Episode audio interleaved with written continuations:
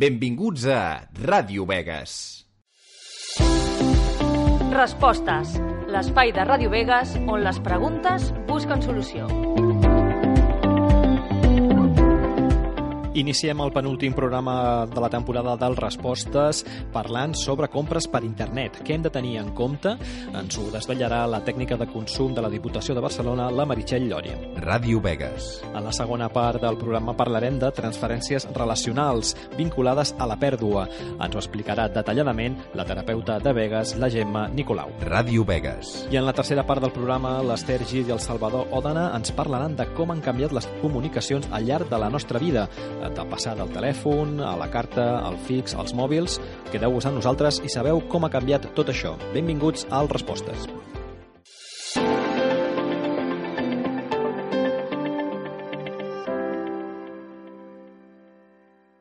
Bona tarda i benvinguts una setmana més a la secció consum del programa Respostes amb la nostra tècnica particular de consum de la Diputació de Barcelona, la Meritxell Lloria. Bona tarda. Hola, molt bona tarda. Avui parlarem d'un tema molt extens i molt abundant que és comprar per internet, que hem de tenir en compte per, a l'hora de comprar productes per internet o serveis per la xarxa, però abans que res, Meritxell, a mi m'agradaria que m'expliquessis exactament què és el, aquest terme de relació de consum. M'agrada que em facis la pregunta. Eh, Ho la, re... la relació de consum... Eh, mira, jo sempre parteixo de la base, per ser molt gràfic, d'un triangle, d'acord? Tenim per un costat eh, l'empresa, eh, empresa barra establiment, barra botiga, barra pàgina web on estiguem comprant, val? per l'altra banda tenim eh, un ciutadà, una persona física, val? o sigui, és un consumidor, val? i després tenim un preu. Si qualsevol d'aquests tres no hi és, no existeix relació de consum, per exemple. Um, que em dius, eh, mira, com que parlem de compres per internet, Wallapop, val? molta gent em, em pregunta, no, és que Wallapop ta, està molt bé, sí, sí, està molt bé, però recordem que és una compra entre particulars. A Wallapop que hi ha un ciutadà que té una cosa que li sobra, que ja no la vol, que ja no la necessita, etc, la posa a la venda i hi ha un altre ciutadà que ho mira, li interessa el preu i ho compra. Per tant, tenim ciutadà, ciutadà, preu. Què ens falta aquí? L'element empresa. Si l'element empresa no hi és, no existeix relació de consum. Per tant, tenim drets? Sí, però no de consum. Tenim els drets que marca doncs, el dret civil, que és doncs, quan tens una compra-venta entre particulars. Cap problema. És a dir, hi ha normativa, sempre hi ha normativa, tot està arreglat, però no serà de consum. Un altre exemple, imagina't, eh, tot el tema dels, que cada cop n'hi ha menys, eh, però els lots de Nadal, per exemple, si una empresa es dediqués, imagina't que treballes, no sé, eh, a una d'aquestes empreses tecnològiques que, que fan consoles o el que sigui, et regalen una consola. Uau, la bomba, eh? Sí, Seria? sí, seria estupendo. Però, bueno, fiquem aquest imaginari perquè Sí. sí. així entrem dintre, el, o és igual un electrodomèstic o el que sigui, val? t'ho regalen. Tu agafes, ho proves i tal, i abans dels dos anys, que tu penses garantia, dos anys, no? Tothom ho sap. Tu compres un electrodomèstic o una consola o qualsevol producte així, tu tens dos anys de garantia. Eh, clar, t'ho han regalat en aquest cas, val? Eh, tens el, el, el producte, te l'han regalat, i se t'espatlla, què fas? Perquè estàs dintre dels dos anys, tens garantia. La primera pregunta, l'has comprat tu? No.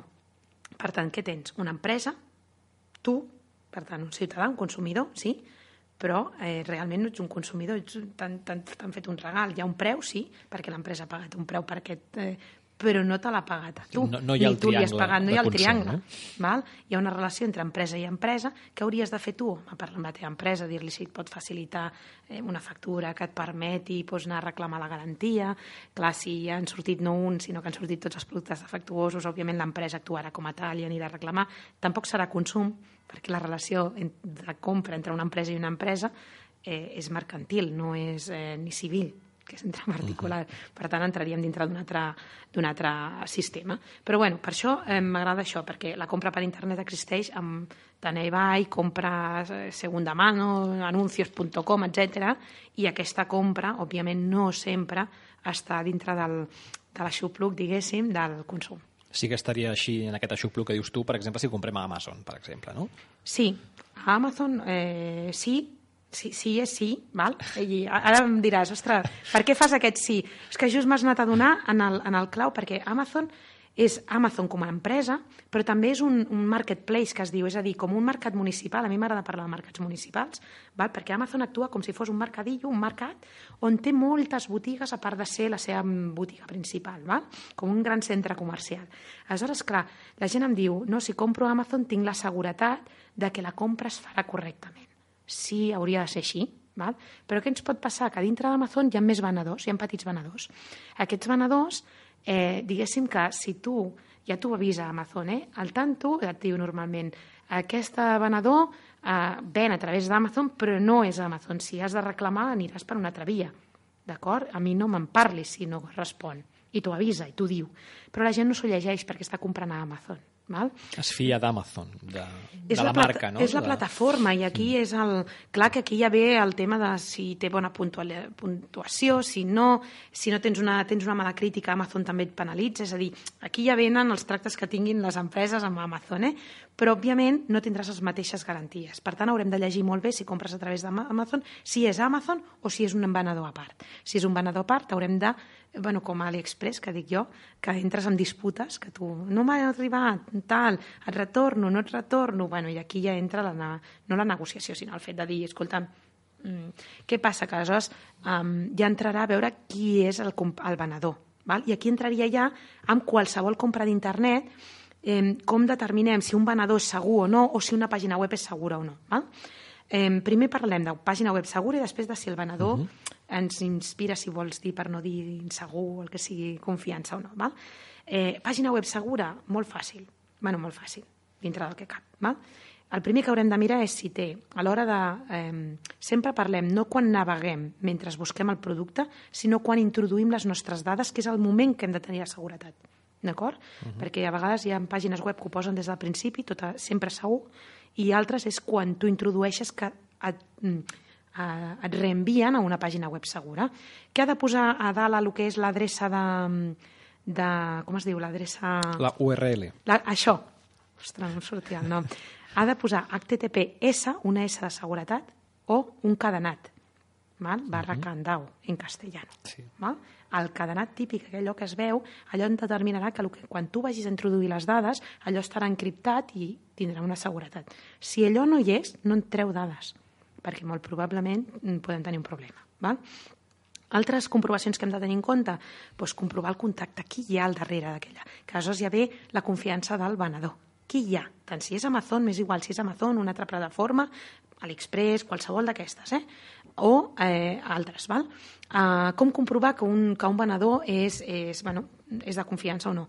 Anem a contacte, anem a mirar qui hi ha al darrere si té adreça física o no. Si només té un formulari, desconfiem, perquè si tenim un problema amb aquella, amb aquella pàgina web, dic persona, però és amb aquella empresa, no sabrem a qui reclamar i nosaltres, com a, diguéssim, com a serveis públics de consum, no tindrem adreça física ni el lloc on sancionar, no, no tindrem... És un, eh, un, un lloc ubicat en un núvol. A qui anem a reclamar? A on sancionem? Qui sancionem? Si les pàgines web apareixen i desapareixen com a xurros. D'acord? Sí, tindrem un pantallazo, tindrem la transacció, tindrem, podrem anar a buscar el rastre dels diners, però al tanto que el rastre dels diners en l'estranger desapareixen. Val? Per tant, si no hi ha alguna adreça física, un telèfon, un... Val? i no només això, comprovem-ho, que la gent a vegades em diu no, jo no he trobat, vale, l'has comprovat? Com comproves una adreça física? Que hi hagi algú darrere d'aquell telèfon, no? que hi hagi una línia. Una línia, algú... que jo no et dic que quan hi hagi línia no hi hagin problemes. Clar que n'hi ha moltes vegades, però bueno, com a mínim hi ha algú que t'està responent, algú a qui recorre, digo jo. Val? Eh, adreça física, posem Google Maps, ja sabem que no està actualitzat al 100%, però bueno, que hi hagi certa garantia. Posem el, saps el ninotet aquell? Uh -huh. El mhm. posem allà sobre i si veus la botiga i veus que correspon, Val? Doncs ja tindrem una certa garantia, no? Val? Si no va amb un descampat, que a vegades ens ha passat, poses i va amb un descampat i dius, a veure, senyors, és que no ha vist que això va amb un descampat? L'adreça és d'un descampat. Mm, on, on està Alguna aquí? cosa rara ja. Val? Escrivim un e-mail, si tenen un e-mail, a veure, ja sabem que l'e-mail tampoc serà molta garantia perquè tampoc podràs anar a buscar gaire cosa, eh? Vull dir, intentem que hi hagi algú darrere de confiança. Al tanto que tot això que us dic és normativa europea. Per tant, AliExpress és una pàgina xina. Val? Eh, la normativa serà la que compleixin en el seu país. Què ens pot passar quan comprem a, en una pàgina tipus, dic AliExpress, eh, com podria dir, el GIC, el Wish, eh, no sí, sé quantes més. més. N'hi ha moltes, eh, d'aquestes. Sí eh, tothom sap que està comprant fora de lo que és la Unió Europea. Val? Què ens pot passar? Que quan fem la compra, eh, tot ens surti bé, paguem, etc, ens ho envien. Quan ens ho envien ens ho poden parar a aduanes. Això no sé si ho sabeu o si us ha passat mai, però pot ser que ens diguin que, eh, bueno, que el seu paquet està a aduanes i que si vol haurà de pagar, doncs, òbviament, els impostos que implica qualsevol importació. Val? Sí que és veritat que no acostuma a passar, i menys per coses petitonetes. Ara, quan la gent compra molt, molt, molt, molt, molt, t'acaben parant. Quan ets un habitual, t'acaben parant. Què ens pot passar aleshores? Que allò que costava, no sé, eh, un euro o, o 10 o els que siguin, t'acaben cascant 300 o els que siguin. Clar, aquí qui té la culpa? L'empresa on hi compres li podràs reclamar? No, ets tu qui estàs important. Recordem-ho perquè ens podem trobar sorpreses de que una cosa que ens sortia molt barata ens acabi sortint molt cara. Per impostos.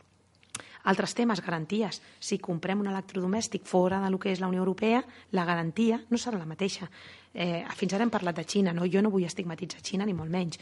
Eh, jo et podria dir que si tu compres a Amèrica, la garantia és d'un any. Tu te'n recordes de quan va sortir la problemàtica amb Apple, que hi havia gent que comprava als Estats Units i entrava, sí. i hi havia un producte que es deia Apple Care, que el que feia era donar-te un any més de garantia. Per què existia aquest producte? Aquí no té sentit, aquí a Espanya, aquí a Europa. Per què? Perquè tenim dos anys de garantia. Però allà, que només tenen un any, aquest any addicional és el que t'ampliava realment, era una garantia comercial. Clar, és una empresa d'Estats Units que aquí no tenia aquesta concepció. Per això va haver-hi aquest rifirrafe de és que tal, i els altres em volen enganyar. No, no us volen enganyar. Ja. Aquesta empresa és americana. Allà realment és un any, t'estableixen un any més de garantia, que aquí no té sentit. I si té eh, botiga aquí i està venent aquí, òbviament la garantia d'aquí dos anys ho vulgui o no ho vulgui. Per tant, l'Apple Care hauria de ser un tercer any comercial. Val? T'ho dic perquè a vegades aquestes petites diferències eh, poden reportar. Altres coses per saber si el venedor és segur, eh, opinions. Mm, tu pots anar a mirar l'opinió de si, és, eh, si funciona o no funciona. També mirem quin tipus d'opinions. No em serveix el bien, mal, fantàstico. No, és bé perquè a més a més he tingut un problema i tal i m'ho ha resolt. Fantàstic, això, aquestes opinions m'encanten. O aquella que et posa mal i et posa, és que claro, jo m'imaginava un producte muy grande i tal i després, pues, bueno, si, és, si te l'imaginaves, saps allò de me l'imaginava més gran? Clar, és un tema subjectiu. Val? Aleshores, llegim una miqueta per veure si realment estem parlant d'opinions subjectives, de me l'imaginava, o fets reals que impliquen que realment sigui un mal problemàtic. servei o una cosa així. Molt Sí. bé. Eh, abans d'acabar, m'agradaria que m'expliquessis què és això del dret de, desesti de desestiment, Desistiment, desistiment. i quin cost pot tenir. Val. Eh, el dret de desistiment és un dret que eh, podem exercir en qualsevol... Eh, és a dir, compra a distància. Compra a distància implica tant les que fem per internet, per telèfon, el teletienda de televisió, les excursions aquestes famoses que els jubilats se'n van por ahí, eh, portes fredes que ara en principi no haurien d'existir, però que encara poden, pot ser doncs, mirar un Tupperware, eh, reunions de Tupperware, o reunions dels Thermomix, o reunions del Tuppersex, o etc. qualsevol d'aquests productes que es venen a casa, tots aquests, val? Encara que parlem de compres per internet, ho vull ampliar a que aquest dret d'assistiment és per la compra a distància, que tenim 14 dies. 14 dies per dir que no vols el producte. Tant si t'ha arribat com si no. Normalment esperes a que t'hagi arribat perquè realment és quan t'ha arribat que comproves que no és el que t'imaginaves, no és el que t'agrada, ja no necessites, etc. Val? Eh, com exercirem aquest dret? Sempre de forma fefaent, és a dir, per escrit, com sempre diem, És a dir, que quedi constància d'aquella que tu no vols aquell producte. Hem de dir que el producte... No, no, no, no hem de dir res. És, simplement és un, un període de reflexió perquè la compra per internet, la compra a distància és molt compulsiva. Val? Això és, uh, et donen aquest període perquè tu puguis dir no, no, no, prou. O amb les excursions que a vegades es troben coaccionats els avis. Val? I aleshores, quan tu reps el producte a casa és quan tu dius, ostres, els avis s'amaguen normalment, pobres, tenen molta vergonya. Eh, us ho dic perquè no els hi, més d'un cop m'han dit és que la meva, la meva eh, jove o la meva filla m'ha renyat perquè... No, vosaltres no sabeu les situacions en què s'arriben a tribar aquests avis, de veritat, eh? Al final és, vale, te lo compro, però vete de casa, perquè no se'ls poden treure de sobre. I la compra és i a vegades és, eh, pagues 50 euros però després la compra és de 4.000 i van durant no sé quants anys a pagar, bueno, virgueries trobes, val? Aleshores no els renyem perquè aleshores no ens ho comunicaran. L'ideal és que mm, si han trobat amb la situació que ens ho comuniquin, ho dic que ens ho comuniquin des de la perspectiva que si són gent gran els haurem d'ajudar a fer aquests tràmits, val? Eh, que ens ho diguin i aleshores quan rebin el producte és quan tindrem aquest dret de desistiment. Normalment ve un formulari, si no ve un formulari, la pàgina web ha de, ha de portar tota la informació, val? i amb aquest formulari o a través de la pàgina web us diran a on heu de fer, heu d'exercir el dret i haureu de retornar el producte. Qui paga el cost del retorn del producte? El consumidor a no ser que la pàgina web o el lloc on compris estableixi el contrari, estableixi que el fet de retornar-t'ho, és a dir, que els costes de devolució no són a càrrec del, de l'empresari o el que sigui. I, i ja dic, seria això. Molt bé. No? Doncs ens hem quedat més sense temps per continuar amb aquest tema. Uh, moltes gràcies, Meritxell, i ens veiem la setmana que ve. Perfecte, merci. Estàs escoltant Ràdio Vegas. Miralls. Preguntes que ens fan pensar. Respostes per generar consciència i passar a l'acció. Amb Gemma Nicolau.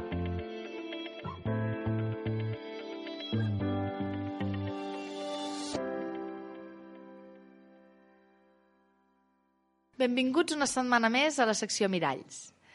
Tal i com us vaig comentar a la segona secció, en aquestes dues últimes seccions us parlaré de les transferències relacionals, és a dir, de les necessitats relacionals no satisfetes o carències. Dit d'una altra manera, les necessitats relacionals són el vincle que m'uneix allò que he perdut i la pèrdua d'aquest vincle és la carència, la necessitat que queda al descobert. I és a partir de prendre en consciència posar-li paraules, donar-li un espai que ho podré integrar a la meva vida. Us en posaré un exemple abans de començar a detallar-vos les diferents necessitats relacionals. La Marta és una dona de 36 anys amb la sensació que la vida la supera. Explica que de petita, a casa, les coses no anaven bé. La mare es tenia que fer càrrec de tot i el pare estava sempre absent treballant. Recorda com el seu pare no tractava bé a la seva mare – i això la torturava per dins. No recorda una infantesa feliç. A l'entrar a l'adolescència, en 15 anys, va conèixer en Marc i se'n va enamorar. En Marc tenia dos anys més que ella i li donava la seguretat que no tenia a casa. Van anar passant els anys i la relació amb en Marc es va anar consolidant fins que es varen casar quan ella tenia 23 anys. Passats cinc anys, en Marc li va dir que ja no l'estimava i que es volia separar. La Marta ho explica amb aquesta frase. Vaig sentir que ho perdia tot, que sense ell jo no era res. I és a dia d'avui, després de sis anys de la separació, que encara plora quan ho explica. Sent que no està resolent la seva vida, que no se n'acaba d'en sortir. En aquest exemple apareix descoberta la necessitat relacional d'estar sostinguda. Us ho explico. La Marta, de petita, no es sentia sostinguda per als seus referents, degut a la situació complicada que es vivia a casa. La mare, tot el dia queixant-se del que feia o deixava de fer el pare, sense cap mena d'estima per les dues parts, i amb un pare que passava de tot i no es feia càrrec de les filles. El neguit i malestar de la Marta anava en augment. Els adults estaven tan capficats amb la seva situació que ningú li posava límits i no es sentia protegida per als seus pares. Aquí és on apareix la carència de la Marta d'estar sostinguda, el sentir que passi el que passi, no cauré i els meus referents em sostindran. Quan apareix en Marc, dos anys més gran que ella, responsable i amb una estructura familiar estable, la carència de la Marta de cop queda coberta per en Marc. Així doncs, quan després de cinc anys de casats en Marc li diu que ja no l'estima i es vol separar, la frase de la Marta és «sense tu ho he perdut tot i no sóc res». La separació d'en Marc mostra a la Marta la carència d'infantesa que no ha après a satisfer, a donar-li la cobertura. La necessitat d'estar sostinguda no està resolta per ella, sinó per la persona que té al seu costat. Per tant, si perd a la persona que té al costat, la sensació és que tot s'ensorra i perd el sentit. És per això que elaborar les pèrdues és tan important per donar sentit a la nostra vida. Saber què em vincula al que he perdut, és a dir, saber què és el que he perdut realment, quin és el vincle que he perdut em permetrà adonar-me de quina carència tinc que no està coberta. I és quan sé la necessitat que tinc al descobert que podré buscar els recursos per donar-li cobertura. La Marta, al poder parlar de tot això i trobar un sentit a aquesta sensació de buit i manca de rumb, és el que li permetrà utilitzar els recursos que té i aprendre'n de nous per tal de potenciar les capacitats per fer front a la vida. La necessitat de sentir-se sostingut va lligada a aprendre a posar els meus propis límits, a tenir un espai on poder expressar les meves emocions intenses i sentir que estic sostingut, aprendre a gestionar l'emoció de la por per guanyar seguretat utilitzant mecanismes de protecció en lloc de mecanismes de defensa, prendre consciència de la meva carència i fer-me responsable de la seva cobertura per tal de trobar un sentit a la meva vida i un rumb. Així doncs, la pèrdua, la separació, en aquest cas és una oportunitat perquè la Marta aprengui a sostenir-se per si sola i recuperi les rendes de la seva vida. Està clar que el procés de pèrdua o separació ens fa mal, ens fa patir. Ens agradaria que no passés. No volem viure experiències desagradables. Només volem ser feliços. Però per aconseguir aquesta felicitat que anhelem i desitgem, és imprescindible traspassar el dolor de la pèrdua, sentir el que he perdut i recuperar-ho. Si ens quedem només en voler recuperar la persona, la cosa, la situació, l'ideal perdut, és quan ens desesperem i augmenta el nostre patiment envers la situació de pèrdua. La pèrdua és inherent a la vida. Contínuament perdem situacions, persones, moments, coses, i posar-hi la consciència, entendre què ens està mostrant la pèrdua, què és això que ens fa tan mal, d'on ve aquesta sensació desagradable, ens permet fer-nos responsables de la nostra vida, guanyar seguretat, sentir que si ens apropem a qui som podem aconseguir tot el que ens proposem. I per acabar la secció d'avui us deixo amb una bonica i intensa frase de Nietzsche. El qui té un perquè per viure és capaç de suportar gairebé qualsevol com. Estàs escoltant Ràdio Vegas.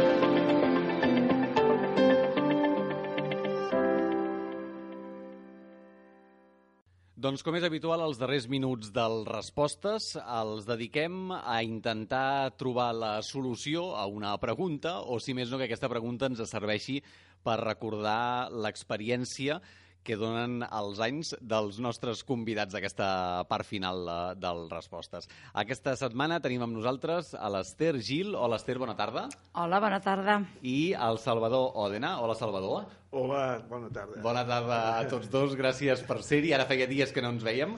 Eh, pregunta per vosaltres en aquest programa, on ja ho sabeu que intentem això, trobar, trobar respostes. Doncs la pregunta que us llenço a vosaltres és com han canviat les comunicacions al llarg de tota la vostra vida? A veure, com, com us comunicàveu de joves, com us comuniqueu ara i com, com ha evolucionat tot això? Éreu dels que, dels que escrivíeu cartes o què? Bé, no, no estava aficionat massa a escriure cartes, però moltes vegades no hi havia més remei, perquè, esclar, teníem família, a casa teníem família per Argentina, doncs, i ens, no ens vam, ni per telèfon no ens vam parlar mai. Sempre enviava una carta, trigava, eh, no que sé, dues setmanes, tres setmanes, i llavors contestaven ells. O sigui que sí, que quan volies parlar amb la, quan volies comunicar-te amb família que vivia una mica lluny, doncs degut a que els telèfons eren molt cars i a més a més eh, costava perquè hi havia molts llocs que no hi havia, no n'hi havia o eh, no sé, tenen manuals, doncs la manera de les cartes. Sí que hi havia una època de l'any que segurament s'escrivia més que en altres, no, Esther? Sí, sí, per Nadal, el que, el que hem comentat vegades, eh, les famoses crismes, postaletes de Nadal, jo era l'encarregada, el meu marit li passava, ell escrivia, i això ho passava, doncs, d'escriure 20 o 25 o 30 cada any, ja comprar-les a primers de desembre, anar-les escrivint, posant el mateix, feliç any nou i totes les històries, i enviar. I després cartes també, el meu marit, quan va estar a l'Emili, doncs, clar, la carta Clar. era indispensable, indispensable, indispensable. I el que dèiem del telèfon, sí que fèiem servir el telèfon, però que la majoria de les cases no n'hi havia. Havies d'anar a la centraleta. Hauria a la centraleta, demanar obra, nosaltres teníem família al Berguedà, i és clar, quan la meva mare hauria de comunicar-se amb la germaneta, havies de demanar l'hora, anar a la centraleta, anar a telefonar l'hora que et deien, i així era un muntatge. Era diferent, era diferent. La gent tampoc no teníem, no teníem pressa. Eh, si no et donaven per les 4, parlaves a les 7. És igual. Si no era res urgent d'alguna desgràcia, no passava res. Bueno, jo explicaré que l'any 65 o 66 treballava en una empresa a Barcelona, una enginyeria, tenia les oficines al Passeig de Gràcia, i doncs eh, treballaven 14 o 15 persones, 3 o 4 enginyers i feien instal·lacions industrials per, per, per tot arreu, però sobretot per Catalunya. I hi havia una noia, la telefonista, que era l'encarregada de, de, de la centraleta de telèfon, que a més a més era l'encarregada de donar les conferències. Les conferències volia dir eh, les trucades fora de Barcelona, perquè no eren automàtiques. I aquesta noia mm, tenia una llista allà, deia, anotava allà a la taula eh, Sant Feliu, 14, el, devia trucar a no sé què, a Sabadell, el 2312, eh, els Molins de Rei, el 21. I tot el matí se'l passava perquè, eh, eh, trucant, demanant les conferències que llavors no sé per què es parlava en castellà en les, en les telefonistes. Sí. Señorita, telefònica, telefònica, señorita. home, era telefònica a Espanya, Y llavors eh? el, el cantarella era, señorita, póngame una conferencia con eh, Reus, eh, sí, ¿qué número? El 3410, 3410. Eh, dime su número, pam, pam, pam. I llavors havies de preguntar, ¿qué demora tiene? Sí, sí, sí. Eh, sí, sí. I llavors deia, uh, un, una hora, uh, no, no, re, deia, no reclame antes, por favor. bueno, I així anava notant. I quan li semblava, llavors es, es feia la reclamació, perquè encara no havien enviat la, L'avís. la, la, la, La trucada, La trucada, no? Es para reclamar una conferència. ¿Dónde? I, bueno, i així passava tot el matí. I, i els, els quefres d'allà, com està la meva conferència? Ja ho he reclamat tres cops.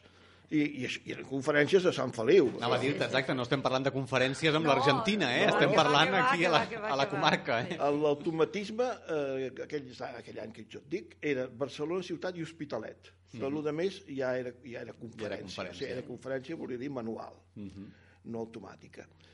I eh, quan es va fer l'automatisme, primer que recordo és a Madrid, amb el 91 de prefixa, i, i, l'única que hi havia era Madrid, i, i dèiem, ostres, però sí, sí, val més trucar a Madrid que, que a Sabadell. Sí, I, clar, i, clar. I, clar, perquè Madrid ja va començar per allà l'any 70 o no sé quin any a marcar-se directe, no? I a Sabadell encara no. I, I a mica en mica es van anar agrupant els automatismes a Catalunya, però molt a mica en mica, eh? En van quedar alguns pobles que van, Que van van trigar tardar, eh, a fer l'automatisme. sí, sí, sí. I ara enviem un WhatsApp i si al cap de dos minuts no ens han respost ja estem pressionant i A veure, tornant i sí, què que passa, no què passa, i no? Llavors truques, què? Exacte. A més, hi havia una cosa que trucava la telefonista. Le pongo su conferencia con Reus. Eh, sí. Oiga, deia ella, hablan, hablan, y sí, sí, escucho, no, no escucho, espere. A ver, me oye, oye ahora Reus, sí. I, bueno, és veritat o no, això? Sí, sí, sí, tant, i tant, i tant. Sí, Sí, sí, sí, sí. sí, i el que et dic, nosaltres com que no, fins que no vam posar el telèfon a casa, que allò ui, va ser una festa, arribar, primer el meu pare tenia un taller, li va posar el taller, i anàvem al taller expressament quan, quan estava tancat per telefonar a la família. Però si no t'avisava, i meu, t'havies d'esperar allà a la centraleta perquè et deien a les 7, i no, no, hi demora, el que diu ell, i el meu t'estaves fins a les 8 per parlar amb la tia, per dir-li, no sé, qualsevol tonteria sí, que hi posaríem aquell cap de setmana o al cap d'un mes. Era, era així, era, era un tinglado, enfadats a vegades perquè no, no, no, havia, no havíem pogut trucar, perquè potser la meva tia també havia d'anar a la centraleta i quan hi anava, doncs en aquell moment ell no hi era. Clar. Era un muntatge, era un Jo muntatge. et deia conferències mm, per, per, per, per la indústria, o sigui, Sí, per, sí, sí, sí. professionals, no? Sí, sí, sí, sí. I, i era, bueno, el sistema també era Sí, sí, lentíssim, era- no lentíssim. I vo- vosaltres vau viure la febre del supletori a casa quan no- no hi havia primer només un telèfon i ara anem a posar-ne un Sí, segon sí, a sí, l'habitació sí. o el Sí, que sí, sigui, sí, no? sí, Això sí, també... sí. Bueno, a casa no, jo això el vaig, arri- vaig viure ja un cop a casa, casada, a casa no, la meva mare tenia el, el groc aquell de bacalita normalet, aquell quadrat que van sortir després dels negres, que els negres eren més aviat d'oficina, i aquell tota la vida anar marcant els numerets, que encara sembla que ronda per casa, els nanos encara hi havien jugat. Sí, sí, sí. Doncs així han canviat les coses en el món de les telecomunicacions i així, i així ho hem per- recordat. Per evitar el- aquestes, trucades, aquestes Sí. esperes tan llargues o demores que deien, eh, es, es feia servir, almenys allà a la fàbrica aquesta, el telegrama. Val. També, sí. sí. Sobretot quan es va poder enviar el telegrama per telèfon, perquè abans no es podia enviar per telèfon, havies d'anar a l'oficina de telègraf Sí. i, I fer-lo. i, i demanar-lo, i, o sigui, fer-lo i passar-lo, no?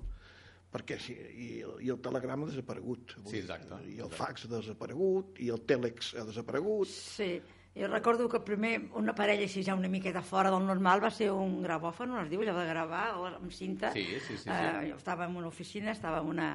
i va vindre uns d'aquests que venien, com els llibres que et venien a vendre, i em va vendre, i una, una l'infermera d'allà, del dispensari, em va comprar un. Ostres, allò d'apretar la tecla aquella del play i poder gravar i, i una cinteta sentir-te, un, un, no sé, va ser un descobriment, ui, quines coses, eh? Un dia, com hem arribat, doncs mira, si aquella pobra dona visqués i, ho- i veiés on t'ha arribat, el seu aparatet, I el que ens queda per veure, queda per segurament. veure, eh? segurament, segurament, sí. Salvador, Esther, moltes gràcies per compartir amb nosaltres les vostres vivències. A vosaltres. Fins la propera. Adéu-siau. molt bé, adéu, bon, bona tarda. I a tots vosaltres, gràcies també per haver-nos escoltat. Us esperem d'aquí a set dies al Respostes. Adéu-siau. Tens preguntes sobre consum, salut o benestar social i emocional? Dubtes que et treuen el son? Envia'ls a respostes arroba radiovegas.cat.